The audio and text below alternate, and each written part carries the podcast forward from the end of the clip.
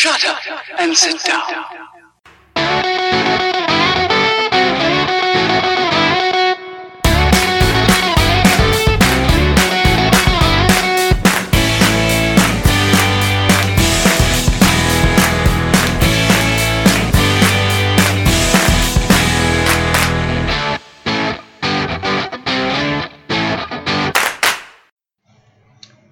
Selamat datang kembali di podcast Bung. Sekarang udah episode 13. Eh, balik lagi bersama gua Bung Koko. Dan gue Bung Dimas. Ya, kali ini kami berdua lagi karena Bung Gino dia mendadak berhalangan hadir.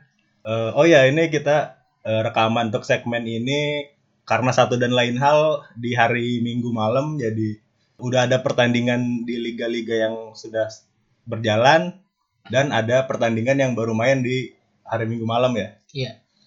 Ya, jadi untuk segmen satu ini kita mau bahas dari eh, hasil Piala FA dulu deh yang udah main di minggu kemarin ya. Sabtu dan minggu kemarin. Babak babak ketiga Piala FA. Atau babak 16 eh, 64 besar. Iya, di situ yang pertandingan yang mempertemukan apa ya? Liga eh klub dari Premier League itu ada Wolverhampton versus Liverpool. Eh, ya, kekalahan kekalahan kedua Liverpool di awal tahun ini. Eh, cuman kalau dari kalau pendapat gua sih eh, hasil itu eh, sebenarnya eh, tujuan yang mau di mau dicapai klub di pertandingan itu kan cuma untuk rotasi pemain ya. Jadi hasil tuh sebenarnya nomor dua, nomor sekian. Jadi bisa seri syukur, bisa menang bagus ya kalau kalah nggak apa-apa. Eh, kalau mau Taruh taruh nggak bisa kayak gitu. gimana gimana? Bung Dimas mau membantah. Gimana Karena- gimana? Kalau Klopp kan sebenarnya udah bermusim-musim di Liverpool ya sejak 2015-2016 dan Ah, dan kita tahu rekam jejaknya di Piala itu jelek banget. Iya, Tiga musim sebelumnya tuh cuma mentok di babak babak keempat ya kalau atau babak tiga besar. Iya. Tapi cuma lolos sekali doang, lolos Hmm. dari babak sebelumnya. Nah sekarang lebih buruk lagi di pertama udah langsung tersingkir. Dan padahal non Liverpool juga selama empat musim terakhir juga ya nggak susah-susah amat masih em, masih sama Premier League dan itu pun juga tim-tim menengah ke bawah. Dan menurut gua entah ya gue mikir Liverpool ini emang terlalu Apa? meremehkan Piala FA tapi di sisi lain juga ya belum ada trofi juga kalau sama sama klub. Jadi gue bingung nih sebenarnya apa sih yang diper, ya diprioritaskan oleh seorang Jurgen Klopp Enggak, cuman kalau dilihat dari musim ini ya, kalau kalau mau dibandingin sama sesama klub yang selevel Liverpool lah dari Premier League misalnya Manchester City kan. Manchester City juga sebenarnya dia nurunin tim lapis kedua tuh. Hmm. Dia dia dibanding match lawan Liverpool ada 9 pemain berbeda yang turun di di matchnya Piala FA City kemarin. Cuman ya yang harus gua akui sih emang kualitas kualitas pemain lapis keduanya City emang lebih baik dibanding Liverpool. Ya sehingga dia bisa bisa lolos dengan mudah. Eh, dan ya Liverpool pun ya menurut gua lapis keduanya tuh masih belum selevel lah sama lap- lapis pertamanya Liverpool kan. Soalnya kan Emang siapa sih yang main Siapa? gue masih ada salah kan ya, Sa- Salah pun main dari menit 70-an kalau nggak salah. ya Enggak kan eh, selama ini tuh eh, pemain yang eh, apa ya yang squad player di Liverpool tuh cuma ada 18 orang kalau nggak salah. Itu kan masih belum belum kan kan kalau misalnya minimalnya kan 22 22 orang untuk bisa dapat punya dua squad, dua starting eleven yang berbeda kan. Dan iya sih menurut gua eh, untuk eh, squad Liverpool yang sekarang untuk bisa bersaing di tiga kompetisi itu agak sulit. Jadi ya cuma sekarang doang soalnya udah udah musim sebelumnya iya. Kan, ditambah lagi dengan kan gaya bermain Klopp itu kan gegen pressing. Dia kan itu sangat menguras stamina dan lain-lain kan.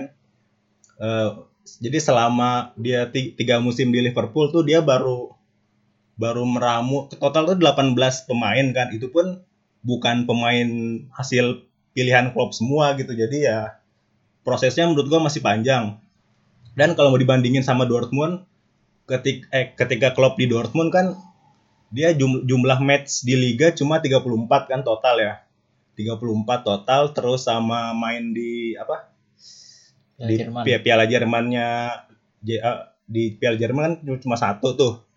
Jadi ya menurut gua untuk untuk gaya bermain seperti gegen pressingnya Klopp ini eh, perlu skuad yang besar sih.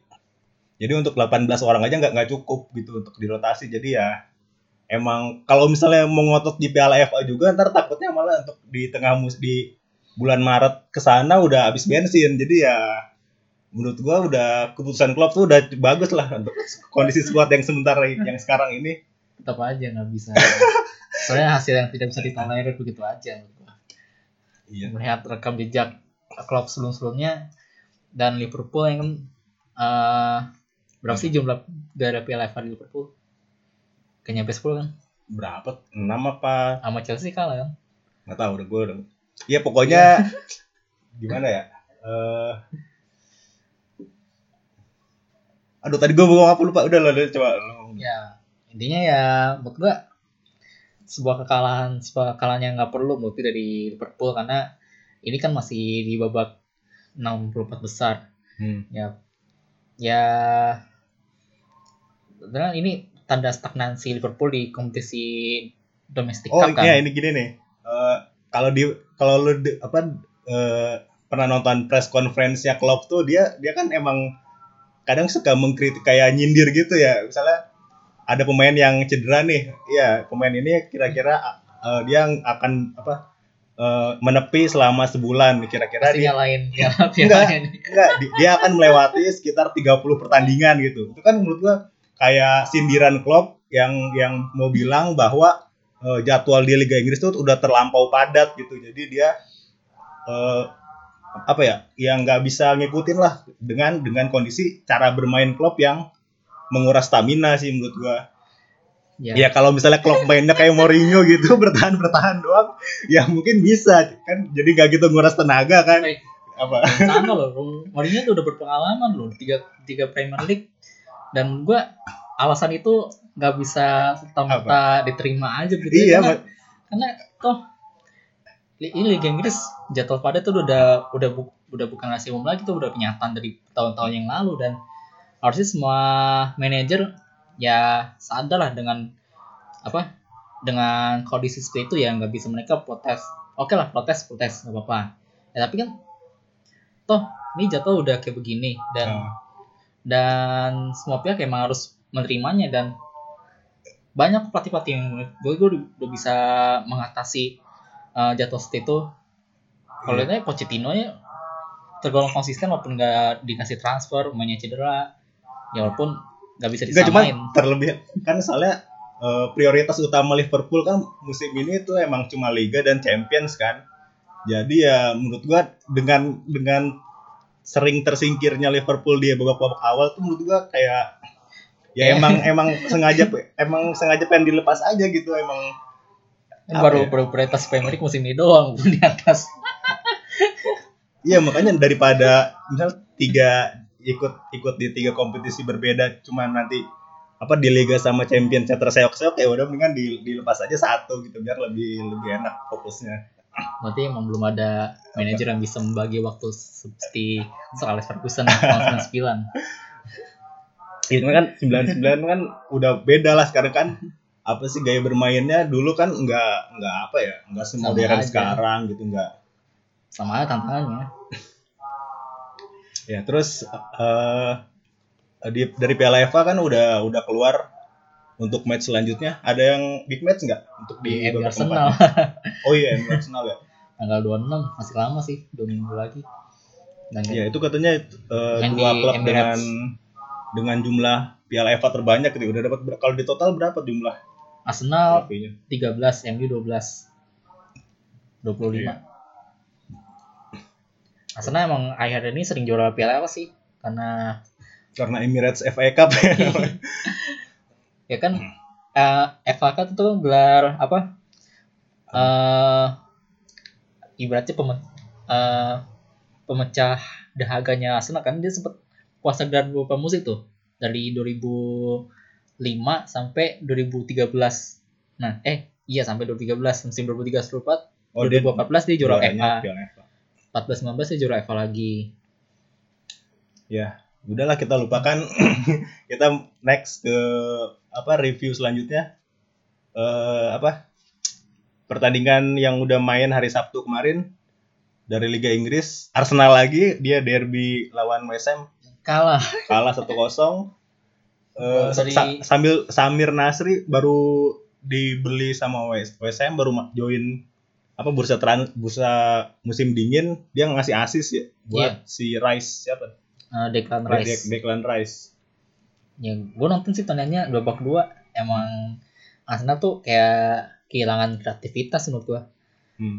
Banyak dan juga banyak kesalahan-kesalahan mendasar kayak passing error lah, terus positioning yang nggak bener lah, terus umpan-umpannya jelek lah gitu.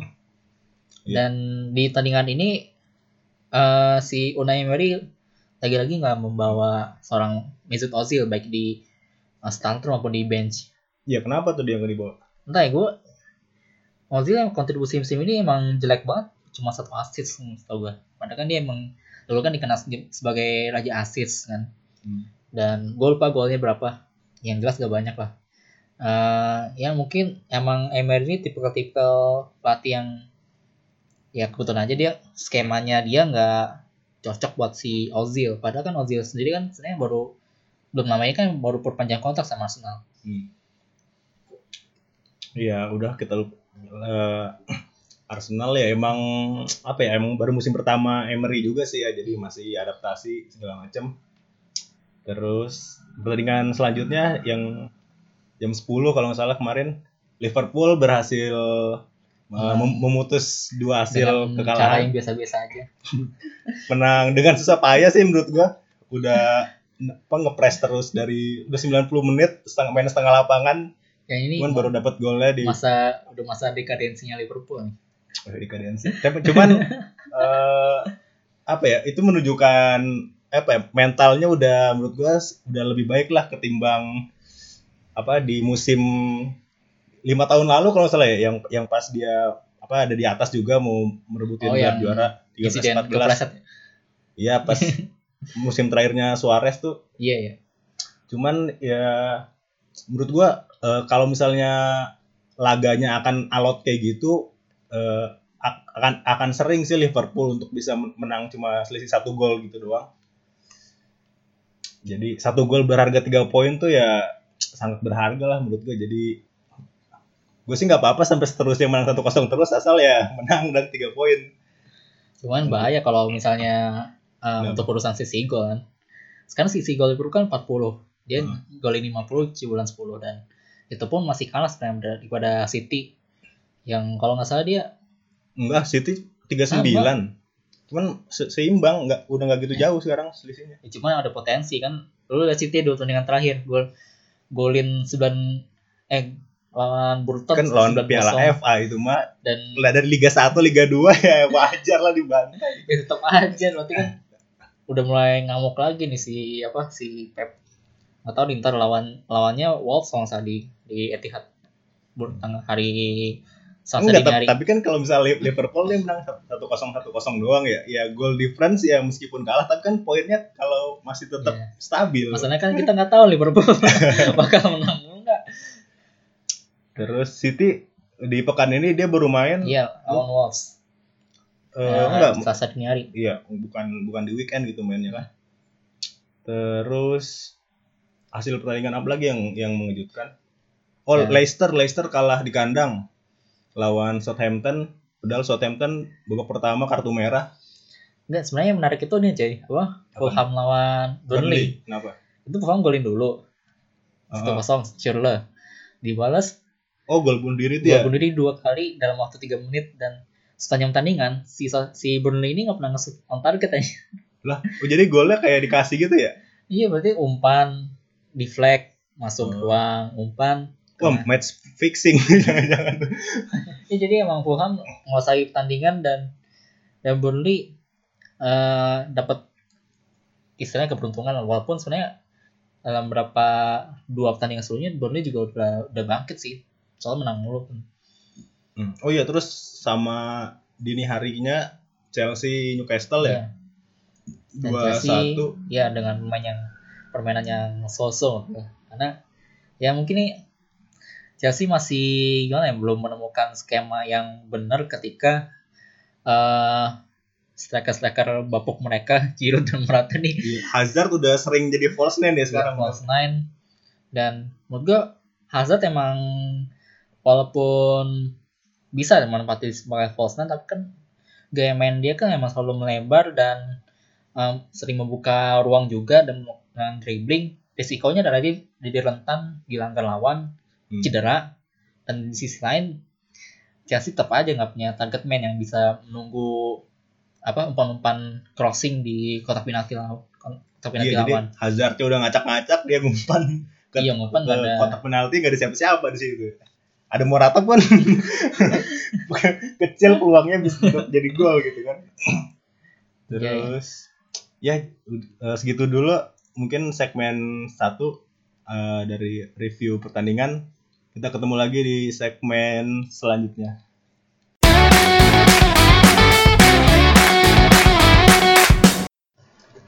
Segmen 2 podcast Bung. Kali ini kita mau bahas preview dari eh, separuh pertandingan ya dari liga-liga yang belum main. Nah jadi kan eh banyak pertandingan yang sebenarnya mainnya tuh malam malam hari ini Hmm. dan dini hari ya kemungkinan besar mungkin ketika podcast yang Iya. episode ini rilis Ya, Udah- hasilnya udah udah selesai. kelar. Ah. jadi kita mau bercenayang ria dulu lah Ya deh, dari Liga Inggris ada Super Sunday Spurs lawan United. Spurs United eh, sekarang di Spurs kan ya mainnya Nah, di pertandingan pertama terbantai di kosong itu 3-0 sudah masa lalu. Cuman itu gua agak kaget loh bisa hasilnya kayak gitu. Gue nggak nonton tuh. Nah, sampai sekarang gue nggak ngeliat ngeliatnya males tuh terus eh, Spurs sekarang masih di peringkat berapa? Tiga ya? Nah, tiga. Dengan selisih berapa ke peringkat satu beda Sembilan. sembilan. ya terus United selisih sama Arsenal selisih ya Tiga poin. Sering kemarin eh, eh kalah kan dan kalau seandainya menang Enggak nih, jadi Hmm. Bung Dimas nih sebagai fans United untuk match kali ini berharap Spurs menang supaya bisa ngejar Liverpool atau MU menang biar ngejar Arsenal nih. menang lah Menang. kalau gue gue udah menyerah udah merelakan City sebagai pesaing utama Liverpool ya karena Oh, jadi yang saing jadi saingan City aja gue gitu. biar gue biarkan dia jadi dua pacu aja. Oh, jadi karena Spurs menurut gue juga belum konsisten kan? Oh iya, sama Chelsea juga dia masih dan bahkan gue secara sebenarnya MU sama Spurs ini juga beda 10 poin sekarang bedanya. Hmm, bayangkan waktu MU kalah Liverpool jarak sama Arsenal aja 11 poin. Dan sekarang udah terpangkas hingga 3 poin. Dengan selisihnya cuma beda 3 doang. Artinya kalau misalnya MU menang selisih 4 gol lawan Spurs bisa aja nyalip Arsenal tapi ya gue gak berharap sampai situ lah gue langsung 4 gol gitu. Iya, ya menang aja udah, banget. udah bagus kan jadi iya menang udah bagus sama tuh poinnya sama Arsenal. apalagi rekor tandang MU kalau lawan Spurs tuh terbilang buruk dalam beberapa musim terakhir Kan kali ini mainnya di Wembley kan. Iya, mainnya di Wembley juga kalah 2-0 ya, dengan bunuh diri. Si- Oh, tapi berarti itu di Piala FA gitu-gitu di kan. liga liga Oh, di liga. di 2-0. Tapi ya sekarang kan kondisinya United jauh lebih percaya diri lah setelah lima kemenangan beruntun di bersama Di segala kompetisi. oleh oleh Solskjaer dan kemarin kan sepanjang pekan kemarin MU training camp di Dubai buat bonding lah istilahnya sekalian mencari kehangatan lah daripada latihan di Inggris dulu dingin dingin nantinya kan ya optimisme di ruang ganti United ini sudah sangat sudah pulih lah Hmm. Dan Spurs emang sih masih stabil performanya walaupun sempat goyah pas kalah sama Wolves cuman gue gak tahu nih apakah Son tuh masih main tuh nggak ya Nggak, Son ini match match terakhir dia Hmm. sebelum sebelum ke kor ke Piala Asia tuh di match ini lawan MU. Habis ini dia baru terbang ntar ke Uni Emirat Arab. ya ya berarti ya masih kemungkinan besar masih bisa main ya berarti Ya. Terus Eh, kalau dari prediksi sih menurut gua eh, akan berjalan seru pertandingan ini. Soalnya Solskjaer mainnya nyerang, Spurs mainnya juga nyerang. Eh, ba- ada dua dua kedua tim akan mencetak gol menurut gua. Eh, skornya nih yang gua masih bingung nih. sih kayaknya antara menang Spurs atau seri nih 2-1 atau 2-2 menurut gua kalau buat Bung Dimas gimana? Ya menang lah. Iya, berapa gol akhirnya gol? Eh, kalau gua 21 atau 31 lah. Wih, 1-3-1. Karena gue yakin agak sulit bikin clean sheet lawan Spurs. Mengingat juga United juga susah clean sheet kan musim ini. Hmm. Baru tiga kali clean sheet di Premier League. Dan ya berharap Spurs yang punya Harry Kane, Christian Eriksen, Son, Dele Alli, lini serang kayak gitu ya agak susah juga berharap clean sheet. Apalagi yang United back tengahnya tinggal Phil Jones sama Victor Lindelof doang yang ngasih fit. Oh iya, apalagi Spurs juga di di, di match apa Piala FA kemarin dia nyetak banyak gol ya, 7 gol kalau nggak Tujuh salah. kosong, Iya kan? tujuh kosong. 7-0. Jadi menurut gua Son Heung-min ini eh, dia akan ma- main setanan lagi kayak dari berapa match terakhir gitu kan. Kayaknya itu dia persiapan untuk meninggalkan Spurs untuk sementara jadi dia emang apa main mati-matian gitu untuk bisa berko- memberikan kontribusi. Jadi menurut gua Son Heung-min ini bisa cetak gol atau assist di, di match kali ini nih. Ya tergantung nantinya apa skemanya gimana. Nanti kan United sudah pasti dipa- diperkuat oleh Paul Pogba yang sudah pulih dari cedera ringannya waktu Newcastle dan ya kayaknya hampir nggak hampir semuanya sih banyak yang banyak yang cedera juga termasuk Alexis yang baru main tapi tiba-tiba cedera lagi ya belum fit tapi um, tim-tim United masih punya pemain yang bisa diandalkan lah intinya Iya, terus di pertandingan terakhir ada Man City versus Wolves. Eh, Wolves ini di musim ini dia udah tercatat sebagai giant killer ya. Hmm. Kayaknya dia udah ngalahin Spurs dia dikalahin di Liga 3-1 kan kemarin. Terus Liverpool di Piala FA, apa siapa lagi yang dikalahin? Ada lagi. Arsenal kalah nggak? Senang nggak tahu. United seri lawan Spurs Wolves. Ya di kandang di Old Trafford malah. ya. Ya jadi Chelsea, ini- Chelsea kalah. Chelsea kalah ya. Ah. Jadi eh, ini akan menyulit menjadi eh, pertandingan yang sulit untuk Man City sih. Dan gua harap apa Nuno Espirito Santo bisa apa ya bisa menampilkan permainan ya kayak lawan tim-tim besar lainnya gitu. Bisa dapat seri atau menang menurut gua jago, jago sih. Eh, Ya. Wolves. Kalau gue berharap sih ya harus City sih menang. ya City kan habis menang besar kan dua pertandingan terakhir kan.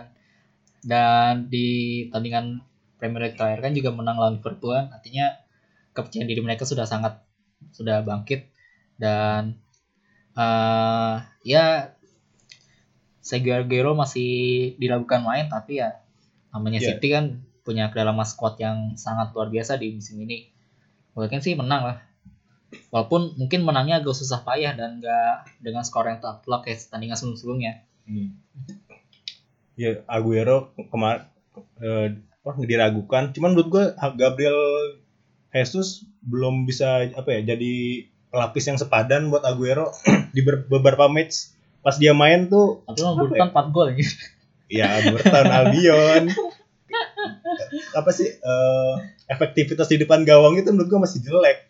Masih bergantung sama Ya, ketajaman Aguero sih menurut gue lini serang Jesus masih bocor, masih sumunan Rashford masih inilah mas apanya belum secara pengalaman dia masih kalah. Nanti ini kan ketika Yesus eh, yang main mau nggak mau lini tengahnya situ kan harus lebih berkontribusi besar untuk terciptanya peluang dan ya, sesuai gol juga. Hmm. Ya apalagi Ler- Leroy Sané baru dapat apa gelar pemain muda terbaik ya Liga Inggris kalau salah di Apa? 2018 kemarin dapat PFA PFA Youth, Youth Player. Jadi eh, keberadaan Sané juga misalnya kalau Aguero lagi nggak perform menurut gua sangat membantu sih untuk di lini serang City. Cuman ya untuk match kali ini seri lah seri aja. Bisa dua sama Wolves jago. Terus udah Liga Inggris selesai previewnya. Kita ke La Liga. Nah, tiga. Di La Ada- Liga itu Nah, di dini hari nanti ada eh Real Betis lawan Real Madrid. Oh iya, Real Betis itu yang kemarin ngalahin Barcelona kan ya di Camp Nou Hmm. kalau nggak- salah. Yang dia gaya mainnya tuh eh, cukup nye- menyerang juga lah. Jadi ada beberapa fans Barcelona gitu yang gue lihat dia malah pengen Valverde dipecat terus gantinya si pelatih Real Betis ini. Terus dia lawan Real Madrid yang dalam beberapa pertandingan ini tercatat inkonsisten ya Bung Dimas. Iya, jadi Real Madrid situasinya nggak jauh beda ketika dilatih uh, Julian Lopetegui dan uh, Solari. Solari. Soalnya kalau gue lihat ya di uh, catatan gue, sebenarnya uh, sepanjang 16 pertandingan di semua ajang bersama Solari sebenarnya Real Madrid itu cuman nggak cuman sih udah kalah tiga kali. Dan menang 12 kali selain seri satu kali. Dan khusus di La Liga sa- satu satu kekalahan satu dari tiga kekalahan itu jadi di La Liga. Dan dan masalahnya adalah Real Madrid tuh di La Liga tuh eh, punya masalah dalam hal mencetak gol. Jadi, jadi Dia sama berapa gol? bersama Solari itu baru eh, nyetak 12 gol. Dan kalau di total baru 26 gol. Artinya kan di Leonardo Petegui berarti nyetak 14 gol ya. Real Madrid cuma dia. Hmm. Sedangkan di Solari 12 gol doang. Dan jeleknya lagi eh, Real Madrid udah kejebolan 9 gol sama di zamannya Solari. Dari mana sa- tiga di antaranya itu udah dari golnya Eibar yang menang 3-0 itu. Hmm. Dia- di antara tujuh besar La Liga juga nih Real Madrid catatan kebobolannya paling jelek nih, 23 gol dia. Iya. Emang dan kalau dilihat dari sisi apa eh, jumlah cetak-cetak golnya Real Madrid itu juga sangat mengkhawatirkan kan semenjak mega bintang mereka pergi. Jadi sekarang ini top scorer Benzema 7 gol. Nah, Terus di bawahnya? Di bawahnya- Bel berapa gol Bel? Gareth Bale sama Sergio Ramos. Lah Ramos juara itu nyetak gol terbanyak Real Madrid. Ramos sering jadi eksekutor tendangan Oh, penalti penalti dia. dan Ramos sama Bale tuh nyetak gol masing-masing. Berapa? 4 gol. Empat gol. Intinya kan ini jumlah yang sangat mengkhawatirkan buat sekelas Real Madrid. Udah jumlah golnya dikit, menangnya eh, udah kalah 6 kali di La Liga. Bahkan kalau sama MU aja masih banyak, masih bagusan MU, baru kali 5 kali. Iya, ya, cuman kalau menurut gue sih kan eh, Real Madrid kan dikenal sebagai Los Galacticos ya. Gue eh, masa kejayaannya tuh udah sudah berlalu pas dia menang tiga match beruntun. Mungkin ada ada kejenuhan juga di antara para pemain bintang kan. Jadi ini lagi masa surutnya apa Real Madrid nih menurut gue untuk mencari pemain-pemain bintang yang baru.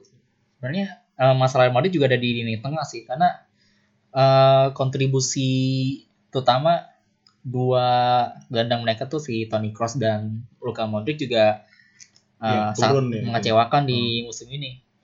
Kan oke lah maklumin aja si Benzema kan emang bukan tipikal striker-striker yang konsisten dan tajam tapi kan ya mereka kan tetap butuh asupan-asupan buat eh, mencetak gol. Hmm. Nah, jeleknya adalah si Kroos dan si Modric ini masing-masing cuman baru memberi satu assist dan dua assist dan mereka dua-duanya nggak- belum pernah cetak gol.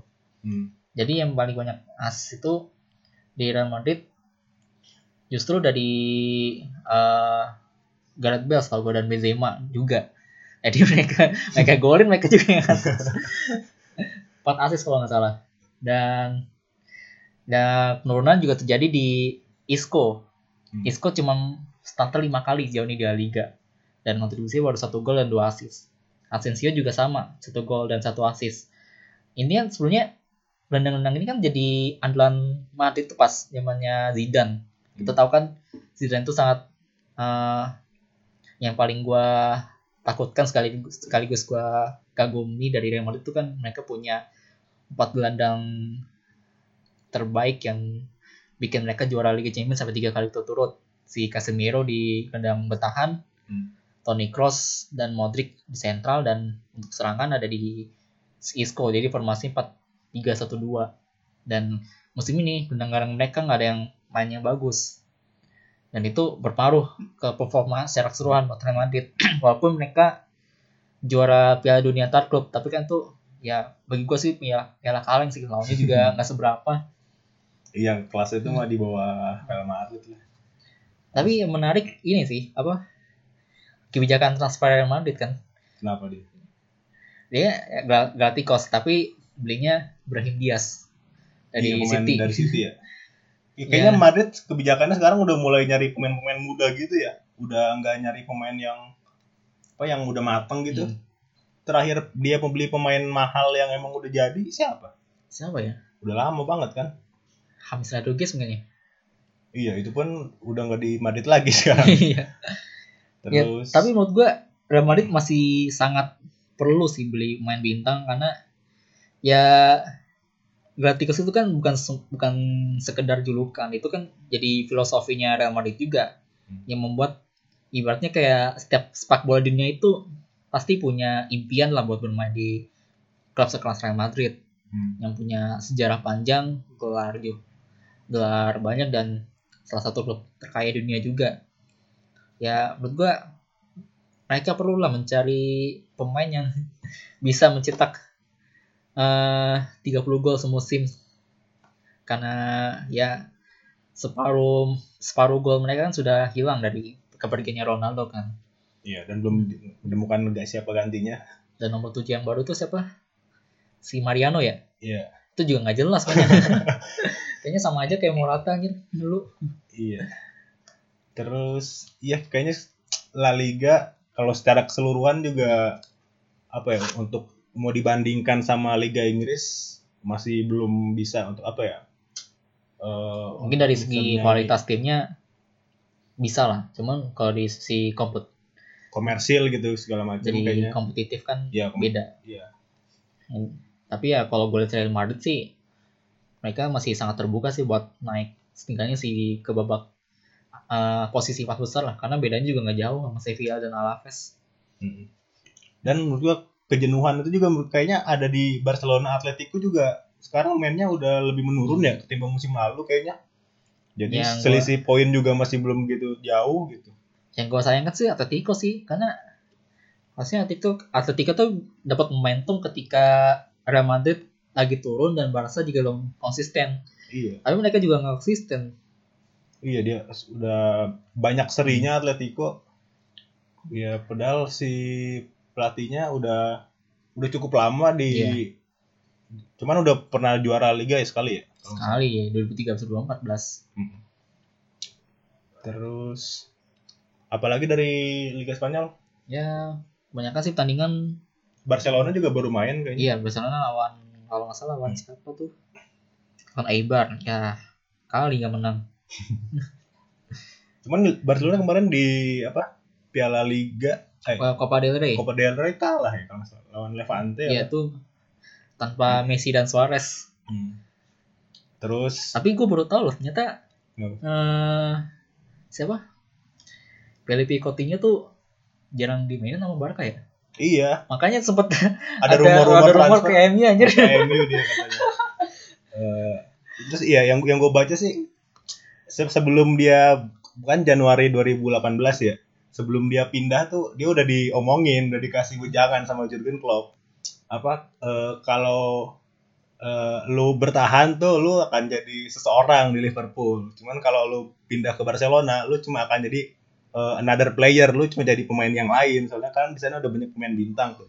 Dan terbukti kan akhirnya di Barcelona dia mainnya nggak gitu nyetel, banyak duduk di bangku cadangan dan rumornya mau mau balik mau ke Liga Inggris lagi apa ditawar sama MU katanya atau Liverpool juga ada rumor cuman gimana ya, Ya, gue sih udah Jadi udah terlanjur sakit hati dia pindah ke Barcelona. Tapi kalau dia pindah ke MU gue lebih sakit hati lagi. Nah, tapi Jadi gue ya, nggak lihat terlalu aja, yakin sih ke MU sih karena nggak ada urgensinya juga karena iya soalnya di MU juga udah banyak gelandang semodel Coutinho udah ada buat apa lagi gitu ya 150 juta pounds kalau sampai flop sih rugi banget sih Barca. Terus udahlah kita sudahi segmen kedua ini. Nanti kita ketemu lagi di segmen yang ketiga.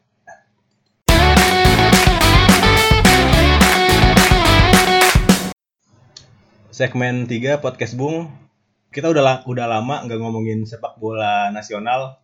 Soalnya kan liganya lagi libur juga dan sekarang bursa transfer lagi dibuka. Tapi katanya kabarnya ada ada berita dari pemain-pemain yang Indonesia yang berlaga di klub luar. Ada berita apa nih Bung Dimas? Ya, jadi eh sebenarnya isu ini sudah bergulir sejak akhir bulan kemarin. Eh, Hmm. Ada beberapa pemain yang eh kembali lagi ke Indonesia, pul pulkam isinya, istilahnya. Ya, salah satunya tuh Luigi Otomo. Sebelumnya dia main di PTT Rayong, klub eh, Liga 2-nya Thailand. Hmm. Pada musim lalu, PTT Rayong itu promosi dan si Ryuji itu jadi salah satu pilar klub tersebut. Dan tapi dia akhirnya musim ini memutuskan untuk kembali ke klub lamanya Persija Jakarta. Hmm. Nah, selain itu ada juga si Ilhamuddin Armain dari Selangor balik lagi ke Bayangkara, klub lamanya. Terus Evan Dimas dari Selangor ke Barito Putra. Hmm. Terus ada juga Andik Firmansyah yang sebenarnya sudah bertahun-tahun berkarir di Malaysia bersama Selangor dan kemarin bersama Kedah, Kedah FA akhirnya balik ke Indonesia. Rumornya sih sempat ke pengen ke Persebaya lama dia, tapi justru kelewatan ke Madura United. Itu rival malah hitungannya. iya, makanya dia ngajuin di salah satu klausulnya dia nggak mau main menghadapi Persebaya yang merupakan klub favorit Hmm. dia dan emang reaksi si bonek itu eh, campur aduk lah antara suka nggak suka dengan keputusannya si Andik Terus cuman kalau Liga Indonesia sendiri nih udah udah ada tanggal pasti belum? ya belum kapan juga Musim selanjutnya kapan nih kita main? sekarang Apa? sekarang juga PSSI lagi panik kan lagi dibongkar-bongkar kasus-kasusnya Ah.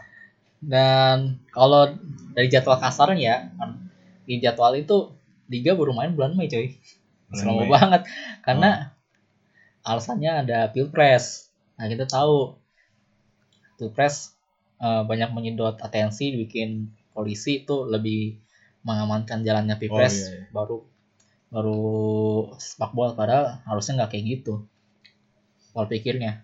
Dan ya yang soal banyaknya pemain atau beberapa pemain yang kembali lagi ke Indonesia sebenarnya eh, sangat dilematis lah. Karena di satu sisi mungkin lah sebagai pemain profesional ya mungkin nggak tahu ya di pandangannya si Andik si Ilham atau si Ryuji apakah mungkin bayarannya di Persija atau di klub lainnya itu lebih besar ketimbang tim eh, tim lama mereka atau bagaimana.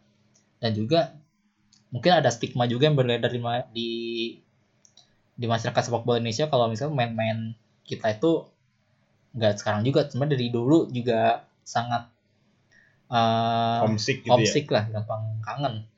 Karena juga kan banyak juga pemain-pemain yang sebenarnya punya potensi bermain di luar tapi justru kembali lagi walaupun sebenarnya cuman beda semusim kayak dulu Rocky Putirai sempat trial di Strasbourg-nya eh, Hmm. Prancis Hmm. tapi belum dikontrak balik lagi ke Indonesia Cuman kalau dari sudut pandang gue sih, eh, eh, kalau si pemain Indonesia ini dia main di liga luar ya, itu kan eh, bisa untuk pencapaiannya pribadi gitu kan, untuk bisa apa ya, bisa main sama apa pemain-pemain dari negara lain gitu untuk menambah pengalaman juga. Tapi balik lagi kalau apa ya untuk mengandalkan pemain-pemain ini aja yang udah main di luar gitu untuk bisa berkontribusi di timnas sih menurut gua masih apa ya masih jauh lah soalnya kan apa ya gue sih masih lebih eh, pengen tuh fokusnya ke eh, pembinaan dari secara infrastruktur apa ya administrasi lah. Jadi eh, si pemain-pemain ini dari usia muda udah bisa dididik secara konsisten gitu. Jadi eh, pemainnya tuh yang pemain-pemain bagus tuh nggak cuma satu dua gitu. Jadi merata dari semua semua lini. Kita bisa punya pemain yang apa ya ya standar punya standar kemampuan yang ya bisa passing yang bagus lah gitu. Bisa bisa passing satu dua yang bagus bisa long ball yang bagus. Nggak cuma nunggu apa satu dua. So- soalnya kalau misalnya kita lihat dari pemain-pemain dari negara lain misalnya kayak Argentina kan punya Messi yang yang apa yang sosok banget gitu yang lebih menonjol. Itu pun se- seorang Messi pun nggak nggak cukup kuat untuk me- mem- apa, mem- mengangkat Argentina untuk bisa berprestasi di timnas gitu kan apalagi Indonesia yang ya apalagi Indonesia gitu Ya. jadi Tapi kalau menurut gua gimana berkarir di luar negeri itu sangat merupakan satu kalau bagi gue ya su- Hmm. suatu keharusan lah buat pemain eh, Indonesia lah karena eh, kita tahu Liga Indonesia kan kualitasnya masih ya iya apalagi standar. jadwalnya juga masih belum beres ya seenggaknya kalau main di luar nggak usah jauh-jauh lah ke Liga Asia Tenggara juga masih banyak yang bagus kok kayak Malaysia atau Thailand. Eh, mereka secara jadwal udah sangat struktur. Hmm. ke klubnya profesional. Nggak eh apa ya profesional intinya mereka kan si pemain ini ah, belajar belajar lebih disiplin belajar eh lebih bersikap lebih profesional dalam dalam karirnya dan itu juga akhirnya bisa buat si pemain itu jadi lebih dewasa lah ketika bermain di luar negeri di ketika berada di jauh dari lingkungan zona nyamannya dibandingkan di dalam negeri. Iya. dan Ya, ya, soalnya jangan kayak pemain-pemain Indonesia yang main di Liga Indonesia gitu. Yang sering gue lihat misalnya ada keputusan keputusan wasit yang dia nggak suka gitu. Wasitnya dipukul coy. Di luar negeri kan nggak ada tuh yang kayak gitu. Terus ya ini Gimana? juga sih gue mau mencontohin juga kayak pemain Afrika kenapa Hmm. pemain Afrika tuh banyak banget yang main di luar negeri di Eropa khususnya Hmm. bahkan di Indonesia juga banyak kan Iya. karena ya emang sih kondisinya beda di Afrika so- di Afrika sana eh, mereka bermain di luar negeri kan karena mungkin eh, kompetisi mereka nggak mendukung selain memang kualitasnya eh, kualitasnya gas padan negara mereka masih banyak yang eh, dilanda perang saudara Hmm. mereka jadinya imigran Hmm. pindah ke negeri berkarir di sana dan jadi besar juga di luar negeri dan Hmm. itu dari itu banyak dan dari itu kenapa gue menganggap pemain Afrika itu punya mental yang sangat bagus lah kalau kalau urusan urusan mental karena mereka sudah sangat terlatih Hmm. eh, berkarir di luar negeri hidup sendiri dan itu harusnya bisa di, dilakukan juga oleh pemain-pemain Indonesia dan makanya ini gue sangat mendukung banget si siapa Egi Maulana Fikri kan eh, berani bermain di Eropa dan menjadikan si Lekia Gedang itu klub profesional pertama dia kan sepanjang karirnya Hmm. dan dan Egi kan akhirnya debut kan di Piala Polandia walaupun main, baru main di 8 menit 82 Hmm. tapi kalau lu perhatiin dia tuh di tim junior. Tim junior Lesia Gedang. Itu dia top skor di sana. Hmm. jadi prospeknya besar. Sebenarnya pemain Indonesia secara kualitas punya kapasitas buat main di luar negeri. Tinggal tinggal mereka tuh mau dan ada nggak yang pihak yang mau mendukung mereka untuk berkarir di luar.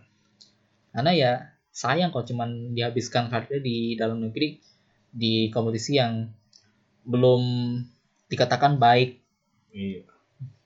mirip-mirip Inggris ya menurut gue lah Inggris kan gitu kan Kenapa? ya pemain-pemainnya nggak ada yang berkarir di luar negeri walaupun ya kualitas pemain apa liganya bagus tapi kan ada stigma juga di mungkin di di kalangan sana yang membuat mereka itu enggan berkarir luar negeri Iya cuman di Liga Inggris kalau dari liga sih menurut gua dampak negatifnya ya ke timnas-timnas juga kan Hmm. dengan banyaknya pemain asing non Inggris yang apa ya yang masuk ke Liga Inggris jadi ya bikin timnas Inggrisnya juga jadi jelek. Terus ya balik lagi kalau ke Liga Indonesia menurut gue juga dengan banyaknya pemain asing gitu kan itu bikin ya apa ya pemain-pemain Indonesia yang jadi susah lah untuk bisa apa pemain-pemain bagusnya itu untuk bisa masuk ke timnas juga jadi terpengaruh juga. ya karena pemain asing Indonesia itu rata-rata menempati posisi yang sangat strategis sih kayak misalnya Ya posisi, tengah, yang playmaker, gitu. striker makanya sampai sekarang kita nggak punya penggantinya Bambang Pamungkas secara yang sepadan kan dan ya intinya kalau menurut gua bermain di luar negeri ada sebuah urgensi lah menurut gua buat dilakukan oleh pemain-pemain Indonesia yang punya kualitas dan dan sudah sepantasnya mereka harusnya nggak berkarir di sini dan jangan balik-balik dulu lah Iya demi demi apa? Iya. Demi karir pribadi lah. soalnya musim ini juga ada sebenarnya ada beberapa juga yang apa main di luar negeri tuh Oh. yang terbaru Saldi Ramdhani Saldi Ramdhani kan dia Yang pindah ke ya? iya langganan dia? timnas berbagai usia kan. Oh. dari U19 U23 sampai senior dia akhirnya main di Pahang FA di Liga Malaysia. Dan lumayan juga. Dia pramusim di Pahang sekarang. Tiga kali match dia tiga kali starter. Artinya kan dia salah satu pemain yang diandalkan juga. Hmm. dan da, ada Yanto Basna juga sekarang dia main di Sukhothai klub Liga Premier Thailand. Dan ini dia juga bagus juga sebenarnya si Yanto Basna. Jadi musim lalu dia main di Konkaen FC itu divisi Liga 2 nya Thailand. Hmm. nah klubnya itu promosi dan dia pindah ke Sukhothai. Artinya ada kepercayaan kalau dia bakal jadi andalan. Terus ada Ahmad Jofrianto melanjutkan karirnya bersama Kuala Lumpur FA dan yang terbaru juga ada Victor Igbonevo yang uniknya itu digantiin posisinya si Ryuji di PTT Rayong. Ya enggak main-main ini ya sebaiknya main di luar terus. Dan ini ada satu stigma lagi yang beredar di Indonesia selain homesick. Kapan tuh? main main di di luar negeri Kenapa? justru bikin kesempatan main di timnas berkurang. Karena? Sebenarnya ini sama PSSI juga. Karena nggak dipantau gitu dia mainnya kayak gimana. Bikin jadwal timnas selalu bentrok dan kompetisi kan kita tahu eh, timnas kan sudah punya secara seruan ya secara seruan timnas itu kan sudah dijadwalkan di kalender FIFA tertentu kan Hmm. yang di mana kalau main di kalender disesuai dengan kalender FIFA kan klub gak bisa nolak kalau mainnya dipanggil karena emang dijadwal di situ Hmm.